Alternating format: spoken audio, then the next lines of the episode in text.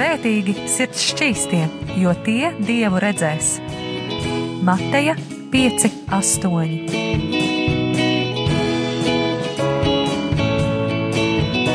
Piektdienās radio raidījums Tēva meitas.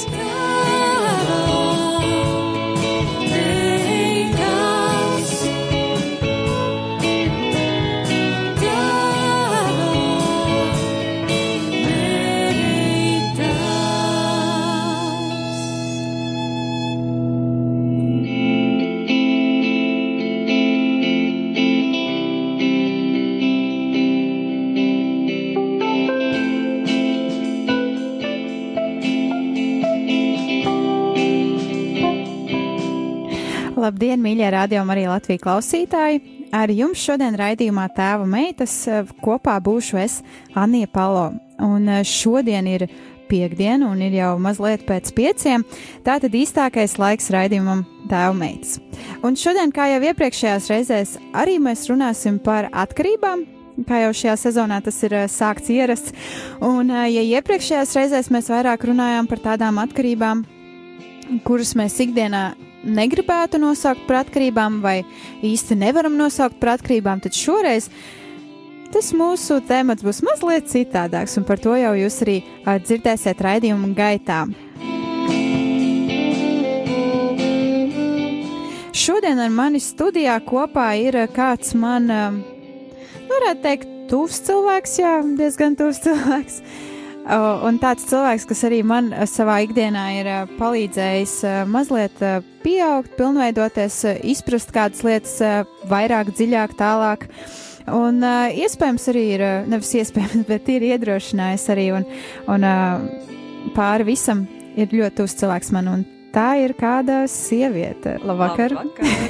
uh, un jā, un es domāju, ka ir pienācis arī īstais laiks, ka šī dāma var pastāstīt vairāk par sevi, iepazīstināt ar sevi, jo es negribu nekur kļūdīties, negribu neko lieku pateikt.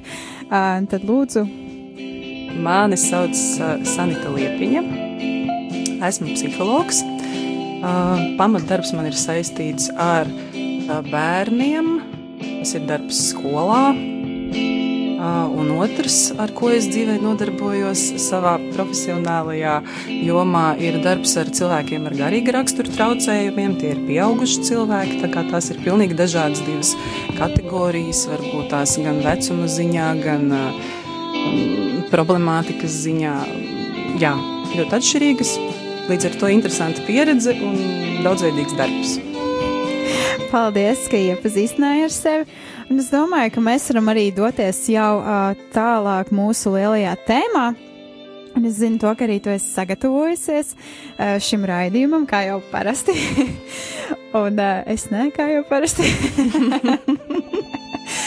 Bet, uh, jā, un kā jau es arī no sākuma pieminēju, šodien mēs vairāk runāsim par atkarībām. Un, uh, šoreiz vairāk par tādām atkarībām, kuras mēs ikdienā varam redzēt. Un arī sanitai, kad mēs runājām par šo raidījumu, es viņai izteicu tādu savu vēlmi, par ko es gribētu runāt tieši par atkarībām skolas vidē.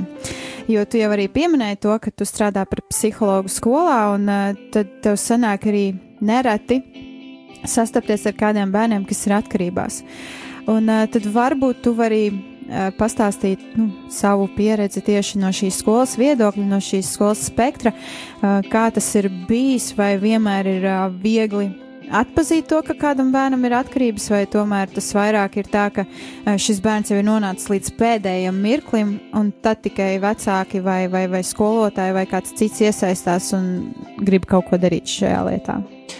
Um, jā, Nu, parasti skolā pirmkārt pamana bērnus, kuriem ir uh, atkarības vai kaut kādas problēmas, sevišķi uzvedības uh, spektrs un, un, un kaut kāda kaitīga ieraduma. Parasti pamana klases audzinātāji.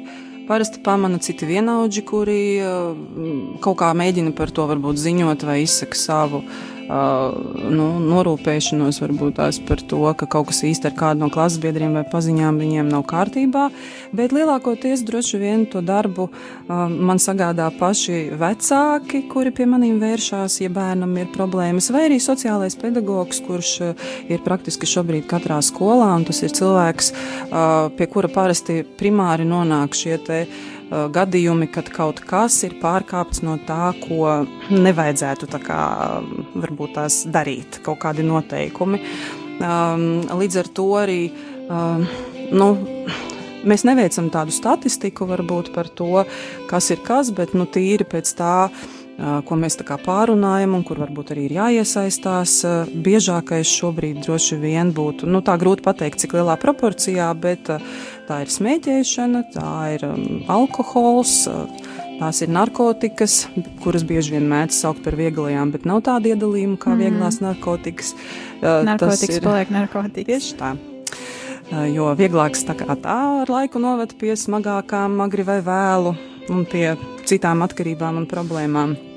Tāpat tās arī uh, tas ir šobrīd ļoti plaši, kas ir, tas ir datora atkarība, spēļu atkarība, nu, datorspēļu, kā arī šī te telefona atkarība, kas ir tāds laikam nu, pēdējā laikmeta jaunums atkarībās. Nu, arī jā, televīzijas atkarība, tabaka košļājumā, arī tādas lietas ir, un arī ēšanas traucējumi, kas būtu tā kā, kad cilvēki pārlieku vai nu ēd vai nu nēd, kas jau tā kā ir zināmā mērā jau tāds, nu, pie atkarības veidiem mazliet ir, bet vairāk tā kā ēšanas traucējumi ir tāds psihiatrisks jau iedziens. Interesanti ir tas, ka tu pieminēji kā pirmo smēķēšanu, jo es arī nesen dzirdēju kādu interviju ar kādu dakteri Amerikā, kurš izteica tādu ļoti interesantu, interesantu, varētu teikt, hipotēzi vai vienkārši interesantu izteikumu, ka ja 1920. un 30. gados vecāki cilvēki mēģināja darīt visu, lai jaunieši nesmēķētu, Tā tad tika veidots dažādas reklāmas par to, un, un, un, un tā. Tad tagad mūsdienās ir izdomāta veipa pildspalva, kas ir praktiski tas pats, kas smēķēšana, un ko dod jauniešiem. Jā. Saka, nesmēķējiet to, bet rekur ņemiet veipa pildspalvas. Mm -hmm. Un es esmu redzējusi to, ka tiešām ļoti, ļoti daudz jauniešu sākuši smēķēt šīs veipa pildspalvas, kas nemazam nav labākas kā Jā. tabaka vai, vai, vai, vai citi smēķi šie cigarešu izstrādājumi, bet tie tiek uzdāvināti bērniem un saka, nu, ņemiet labāk šo, tas ir veselīgāks. Un šis doktors arī teica to, ka, ja 20, 30 gados mēs mēģinājām šos cilvēkus noņemt no cigaretēm, no smēķēšanas, tad tagad mm. mēs viņiem pat burtiski uzdāvinām iespēju to darīt un sabojāt savu veselību un sakām, vai nu šis ir labāks. Nē, nu tas, es domāju, kas ir šeit ļoti būtiski, ir saprast, kā jebkura mm, šī te, labi, ka Principā arī šīs te uh, interesantās jaunās tehnoloģijas smēķēšanā, principā šķiet varbūt tās, ka tas ir mīts, ka viņas ir mazāk kaitīgas. Un es domāju, tas ir tas, uz ko daudz iekrīt. Un patiesībā ārsti paši atzīst, ka nav vēl noskaidrots, kādu ilgtermiņā iespaidu uz mm. veselību atstāja šie te. Līdz ar to nu, mums ir jānogaida droši vien kaut kāda vesela paudze, ka nomainās, lai mēs saprastu, nu, kas tad ir, kā, kur ir tas kaitīgums. Es domāju, ka šeit no psiholoģiskā viedokļa vairāk būtu svarīgi saprast, ka tā jebkurā veidā ir atkarība. Un atkarība Jā. kā tāda, atkarība ir atkarība. Tas veids, kāda tā ir, tas jau ir cits jautājums. Bet mm. atkarība saglabājās, un tas jau ir tas ļaunākais, kas ir. Jo, ja mēs skatāmies, piemēram, nu, kaut vai tipoloģiski, jā, ir um, atkarības, kas ir ķīmiskās, mm, teiksim, šis būtu pie ķīmiskajām, jā, tā kā narkotikas, mm. alkohols, varbūt šīs cigaretes arī varētu būt tur. Uh, bet ir arī neķīmiskās, un tur ir milzīgs klāsts ar visu, ko, jā, šīs te datora atkarības tās pašas, jā, uh, darba holisms, šopoholisms vai ne, atkarība no sporta, jā, nu, teiksim, atkarība no attiecībām, no seksuālām attiecībām, no visām šīm lietām. Tā kā, nu, atkarība paliek atkarība. Un mm, man gatavojoties varbūt uz šo sarunu, piemēram, interesanti likās tāda lieta, ka, nu, kurš gan vecāks negribētu, ka viņa bērni nodarbojās ar sportu. Mm. Nu, ne? Bet tajā brīdī, kad tu saproti, ka um, tas sports kļūst bērnam par tādu ļoti milzīgu. Um, Elku. Uh, jā, nu kaut kādā mērā, ka ir ļoti daudz jauniešu, kuriem man ir bijuši tādi arī klienti, kas iet uz zālēm, viņi lieto speciālos uh, līdzekļus, kas audzē muskuļu masu, un uh, viņi terē diezgan daudz laika un līdzekļu šim visam, lai to varētu tā kā uzturēt formā.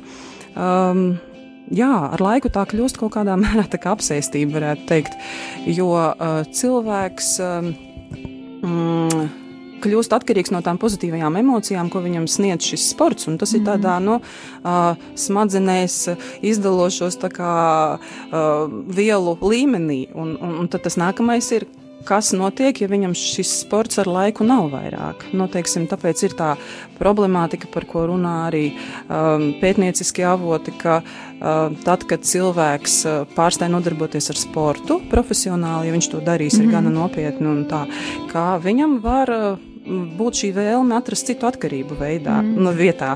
Un tas nozīmē, ko, ka visbiežāk pat pētījumi pierāda, ka, ja pārlieku ar kaut ko aizraujās, ka tas var novest, piemēram, pie visbiežākais pēc sporta esot ķīmiskās atkarības. Mm. Tātad alkohols, narkotikas, narkotikas zāles, jā, nu tā kā ļoti daudz šīs lietas, jo sportistiem traumas arī mēdz mm. būt, līdz ar ko viņi bieži vien ir spiesti visu tālāko dzīvi lietot kaut kādu preparātu. Pretsāpjām. Mm -hmm. Ļoti interesants iesākums, paldies tev par to, un ir jau pienākusi pirmā dziesmas pauze. Un uh, arī šajā reizē tu esi izvēlējusies uh, kādas īpašas sev tuvas dziesmas, un uh, tā arī šajā brīdī atskaņosim jau pirmo dziesmu, un mēs ar jums tiksimies jau pēc dziesmas pauzes.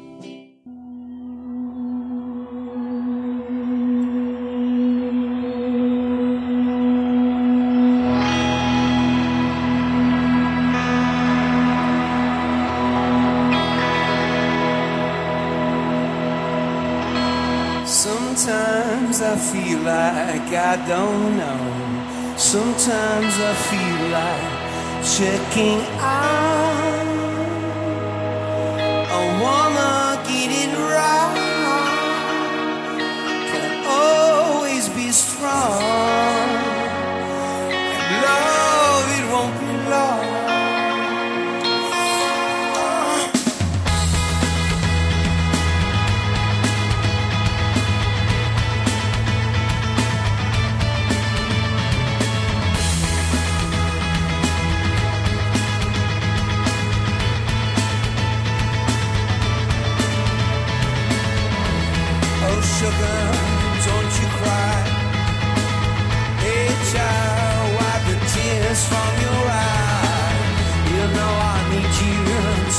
Strong and the day is dark as the night is long.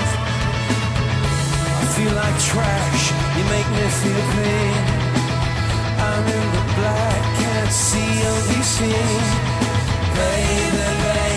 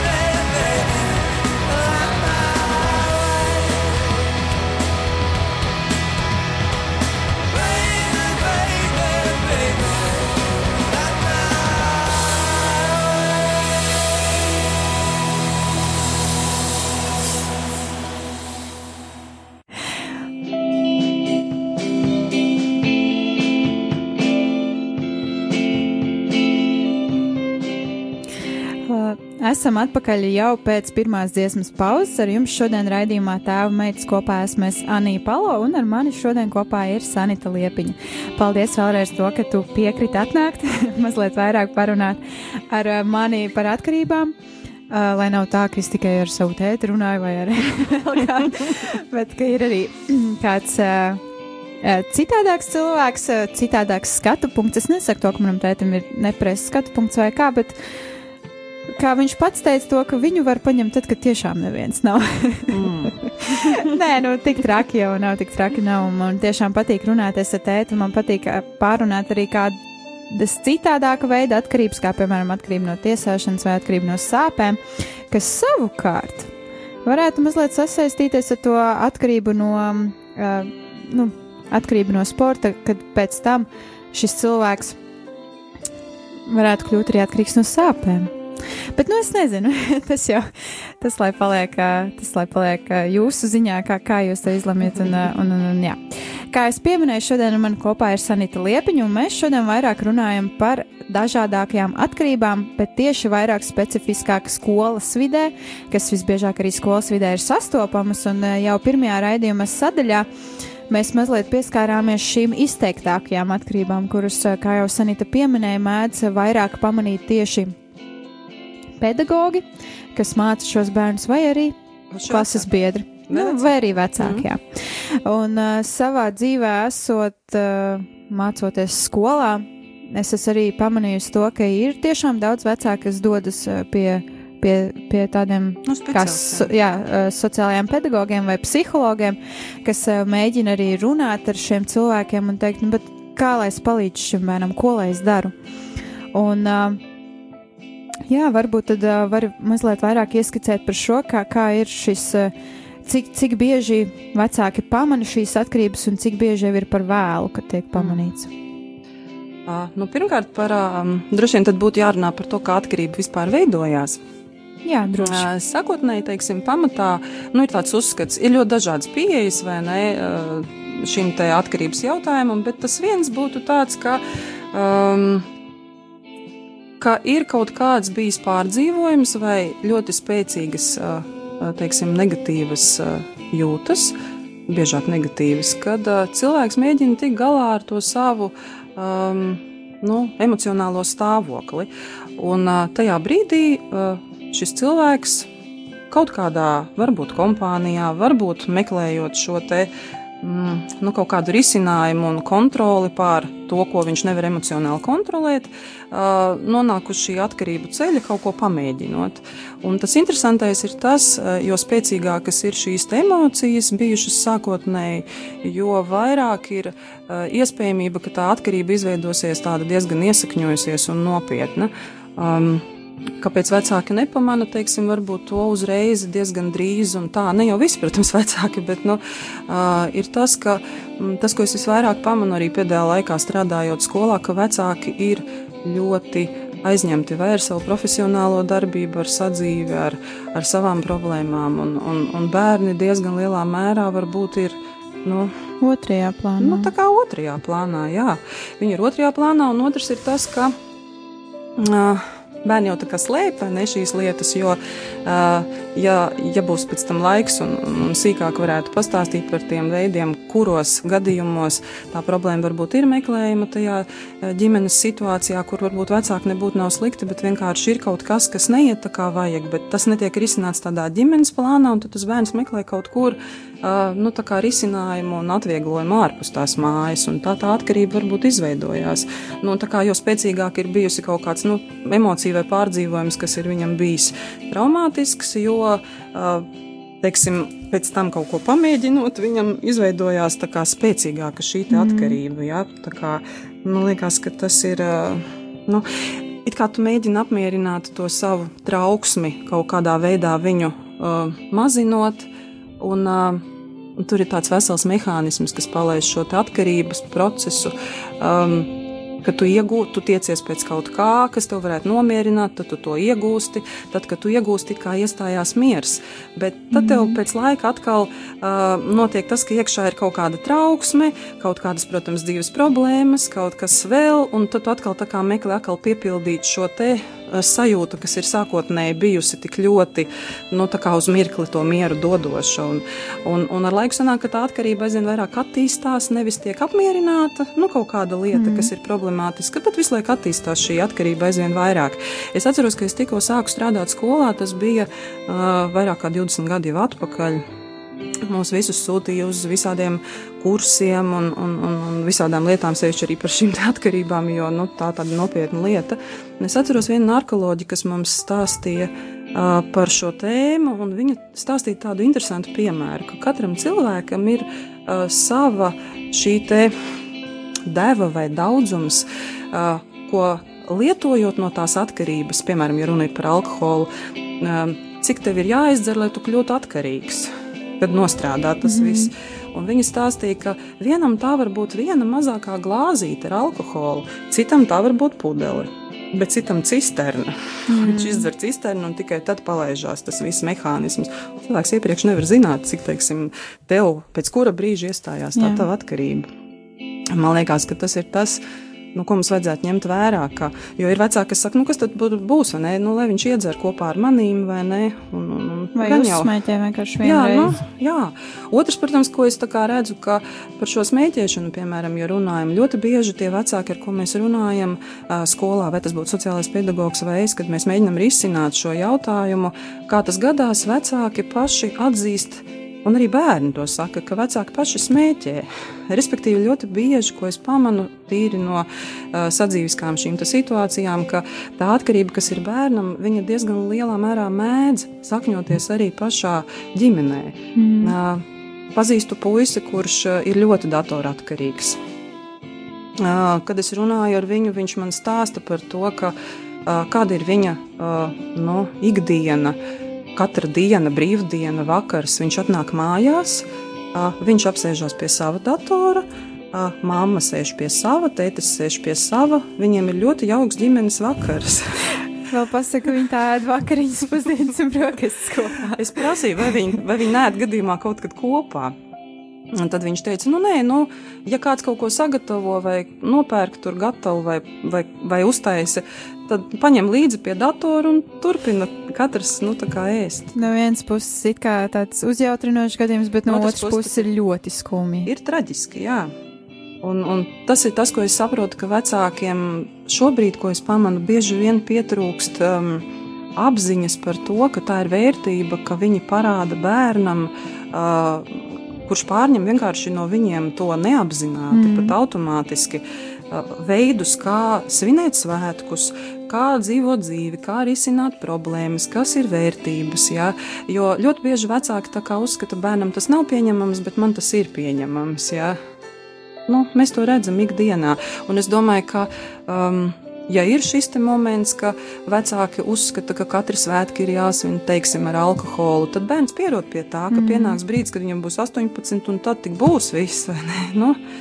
Un citi ir tādi vecāki, kuri uzskata, viņi paši lieto, nu kas tad tur vīns vai, vai kaut kas tāds, vai nē, lai jau tas pusaudzis arī lieto. Un ir vecāki, kas ir ļoti principiāli šajā jautājumā. Jo tā viena lieta, ko varbūt radioklausītājiem šodien man ir tā ziņa jāaiznes, ja tas nav zināms, ka jo agrāk veidojās atkarība, nu, agrīnākā vecumā, tā kā bērnam, pusaudzim, jo pēc tam tā veidojās noturīgāk un no tās ir grūtāk tikt vaļā. Tā kā jo vēlāk viņš ja gadījumā sāk atkarības, jo vēlāk sāk, jo lielāka ir iespēja kā, tikt vaļā. Tikt vaļā. Tā kā, nu, neskaitās agrāk pamēģinās ar mani kopā, mm. nu tad neizveidosies. Varbūt viņam liktenīgi ir tieši šī viena glāzīte. Paldies! Tev. Man arī, kad tu runāji, man radās kāds jautājums saistībā, mm. protams, ar atkarībām. Citādāk mm. nevar būt šodien. Bet tu pieminēji to, ka bieži vien vecāki dodas pie tevis runāt par šīm, mm -hmm. par šīm bērnu atkarībām. Bieži vien ir vecāki, bieži vien ir pedagogi, bieži vien ir kādi blakus klases biedri. Bet vai ir bijušas tādas reizes, ka tu arī teici to, ka atkarība rodas nu, no vecākiem, tiek pārņemta?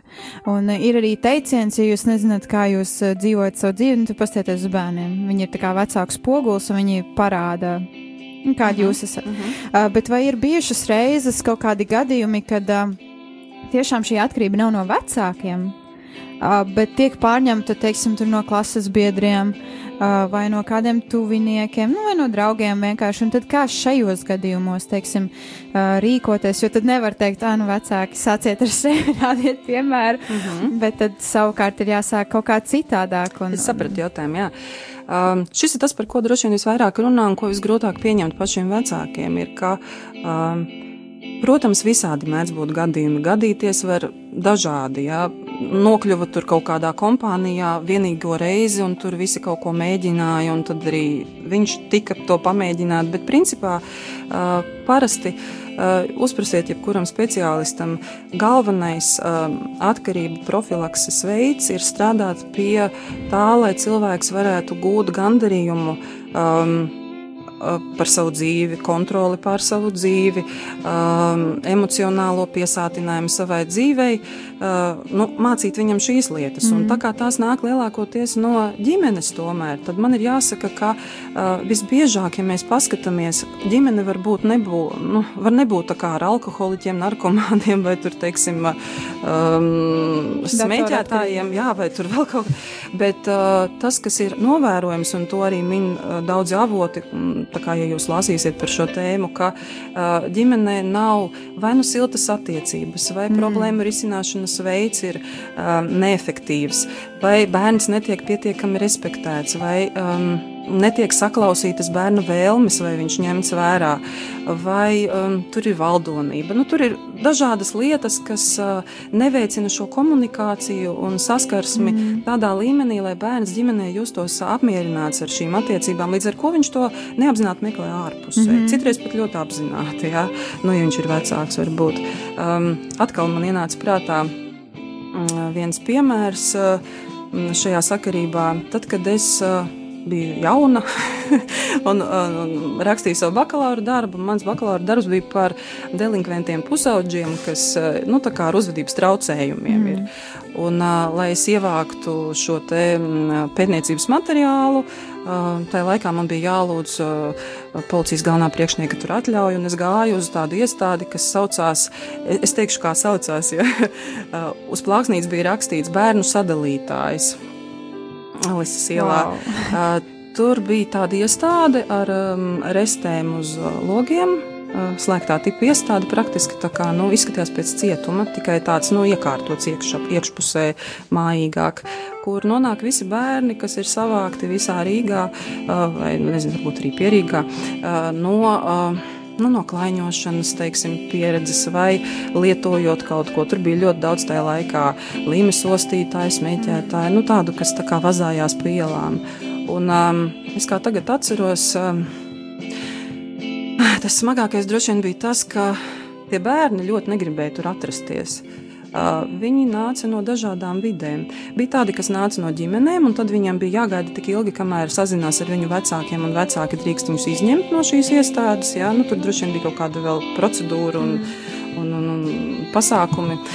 Un otrs, bija ļoti daudz bērnu, kuri dzīvo šo laiku kaut kādos bērnu namos, internāta skolās. Un, Un tā kā viņiem būtu jāatrodas tur, bet viņi ir bēguši no turienes un atbēguši, teiksim, nu, uz ielām, kur viņi kaut ko darījuši kopā, nu, tā kā staigājuši. Un, protams, tas bija kaut kādus gadus atpakaļ, bet tas, ko es atceros, un es ar tiem bērniem runāju, viņi visi ļoti negribēja būt tur, viņi visi ilgojās pēc siltām attiecībām ģimenē, un tie bērni, kuri nāca no tām no tiem bērnu namiem un, un internātu skolām, viņi visi ārkārtīgi vēlējās, eh, lai viņus tā kā savāc no šejienes, bet tur viņiem arī nebija labi. Līdz ar to faktiski viņi nekur nejūtās labi. Un tad tas jautājums droši vien, kas ir tā iela priekš šiem bērniem, kur ir šīs visas atkarības, kā nu, meklējums sasniegt kaut kādu citu cilvēku pieņemšanu. Jo kāpēc tad kļūst tik ļoti aktuāli vienaudži? Tāpēc, ka mm. viņi to saprot, viņi to pieņem, viņiem ir līdzīgas kā, problēmas. Ģimenē, ja tevi nesaprot un neatzīst un nerespektē, nu, tad tu nonāc tur. Un viņi visi gribēja tikt ļoti ātri prom un gaidīt to brīdi, kad viņus izņems, un citreiz pagāja ilgs laiks, kamēr visas tās procedūras nokārto. Tas bija diezgan smags Un es domāju, nosaukums šai iestādē bija tā kā tajā laikā bērnu sadalītājs. Nu, viņus nu, sadala pēc tam tā kā pa tām mm. kā ļoti iespiedies tas atmiņā. Paldies, tev! Lai gan man ļoti negribas pārtraukt mūsu interesanto sarunu, jo man arī ļoti interesē, un ja jūs redzētu šobrīd klausītāji, kā es sēžu savā krēslā, jūs saprastu, ka man tiešām interesē šī saruna. Un, uh, Diemžēl mums ir jāpārtrauc, jo ir jau nākamā dziesmas pauze pienākusi, un arī šo dziesmu Sanita pati izvēlējās, un tad uh, klausīsimies, un uh, varbūt arī šīs dziesmas pauzes laikā atsveidzināsim kādas tikko pārunātās jau uh, lietas. Do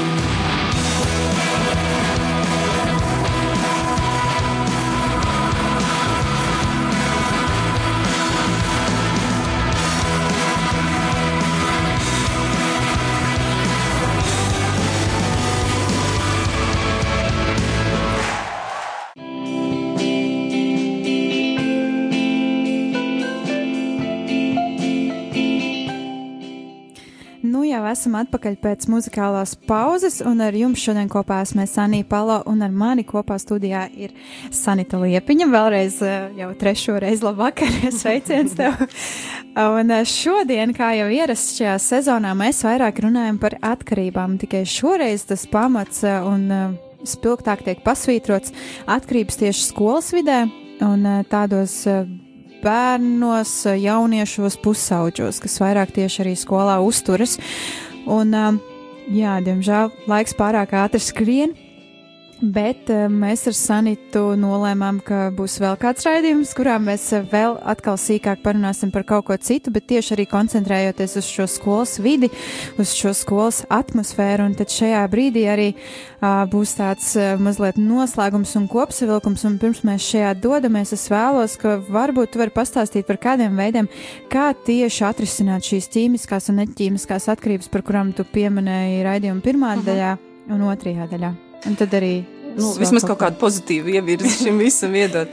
Nu, protams, ka viss ir izcināms, bet uh, ir jāsaprot par visām atkarībām, un, un to var atkārtot un atkārtot, ka nevienu atkarību nevar atrisināt bez paša atkarīgā vēlmes. Ir ļoti grūti, mm. ja viņam pašam nav gribas uh, tikt šim te pāri.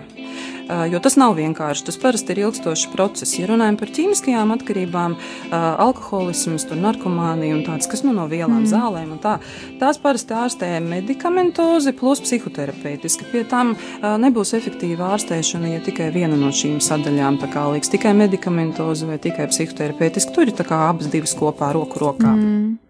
Savukārt, neķīmiskās atkarības, varbūt par tām mēs varētu arī nākamajā reizē parunāt. Tur ir kā, kādas mēs varētu uzskatīt par sociāli atbalstāmām pat atkarībām, jā, nu, pieņemamām vai pozitīvām, bet nu, neķīmiskās tās, kas nav uz šīm vielām, um, tad tās tā kā parasti ārstē psihoterapijā. Un ir ļoti daudz mm. psihoterapijas virzieni, kas uh, nu, tiek piemeklēti atkarībā no tā, kāda ir šī te, um, nu, atkarība.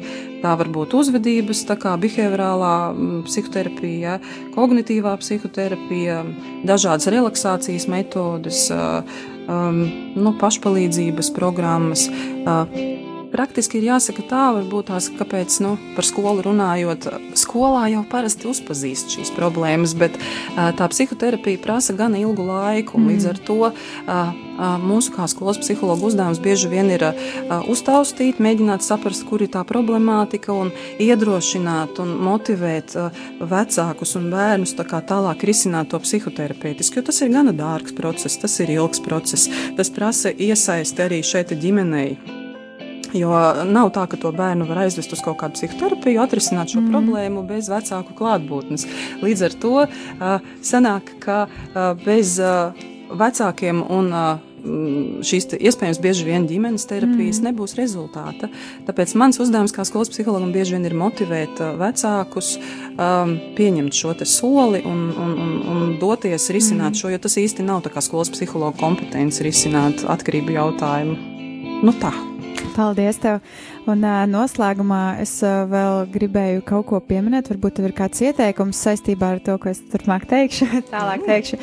Bet uh, tas, ko mēs jau ar uh, mācītāju Uģi Palo esam iepriekšējos raidījumos pārunājuši, un tas, kas arī uh, Kaut kādā ziņā manā gadā ir bijis šis lielākais moto, par ko es esmu domājusi, ir mācītāja Vladimira Melčānova izteiktais teiciens, ka mūsdienās lielākais grēks, kuru mēs arī visbiežāk sastopam, ir tieši mīlestības trūkums. Un arī interesanti tas, ka šajā reizē tu pie šīm atkarībām pieminēja to, ka bieži vien šīs atkarības bērnos rodas tieši tāpēc, ka viņiem ir kāds mīlestības mm. trūkums, mm. vai viņiem vispār ir kāds trūkums, tad varbūt ir zāles arī pret šo. Mīlestība. ļoti labs teiciens, un es domāju, ka tas ir zelta vērts un apdomas vērts ikvienam radioklausītājam. Paldies, tev, un es tev arī šoreiz saku paldies par to, ka tu biji kopā ar mani un ka biji gatava parunāt par kādām uh, atkarībām. Un, uh, Jā, jā, nu kas tad sanīt var satikt skolā? Lai cik interesanti tas būtu, bet uh, jā, un uh, tad jau arī uz tikšanos uh, nākamajā reizē, bet jums, klausītājs, vēlos teikt paldies, ka bijāt šodien kopā ar mums, ka klausījāties šo raidījumu, un ja jums ir kādi vienkārši kādas liecības, ko teikt, teiksim, kā šis raidījums ir jūs uzrunājis, vai ko jūs esat guvuši no šī raidījuma, tad droši drīkstiet sazināties ar mums. Mūs var atrast arī sociālajos mēdījos, kā piemēram Facebook vai Instagram kontos, rakstot kā sagvārdu tēva meitas. Tur tad arī variet atrast mūs un uzzināt vairāk tieši par mūsu kalpošanu, mūsu iniciatīvu ikdienā.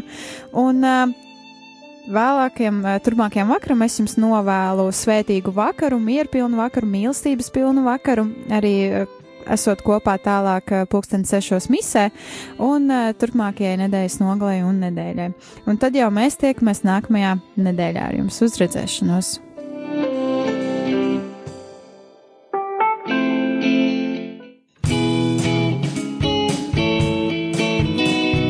Svētīgi sirds šķīstie, jo tie dievu redzēs. Mateja 5, 8.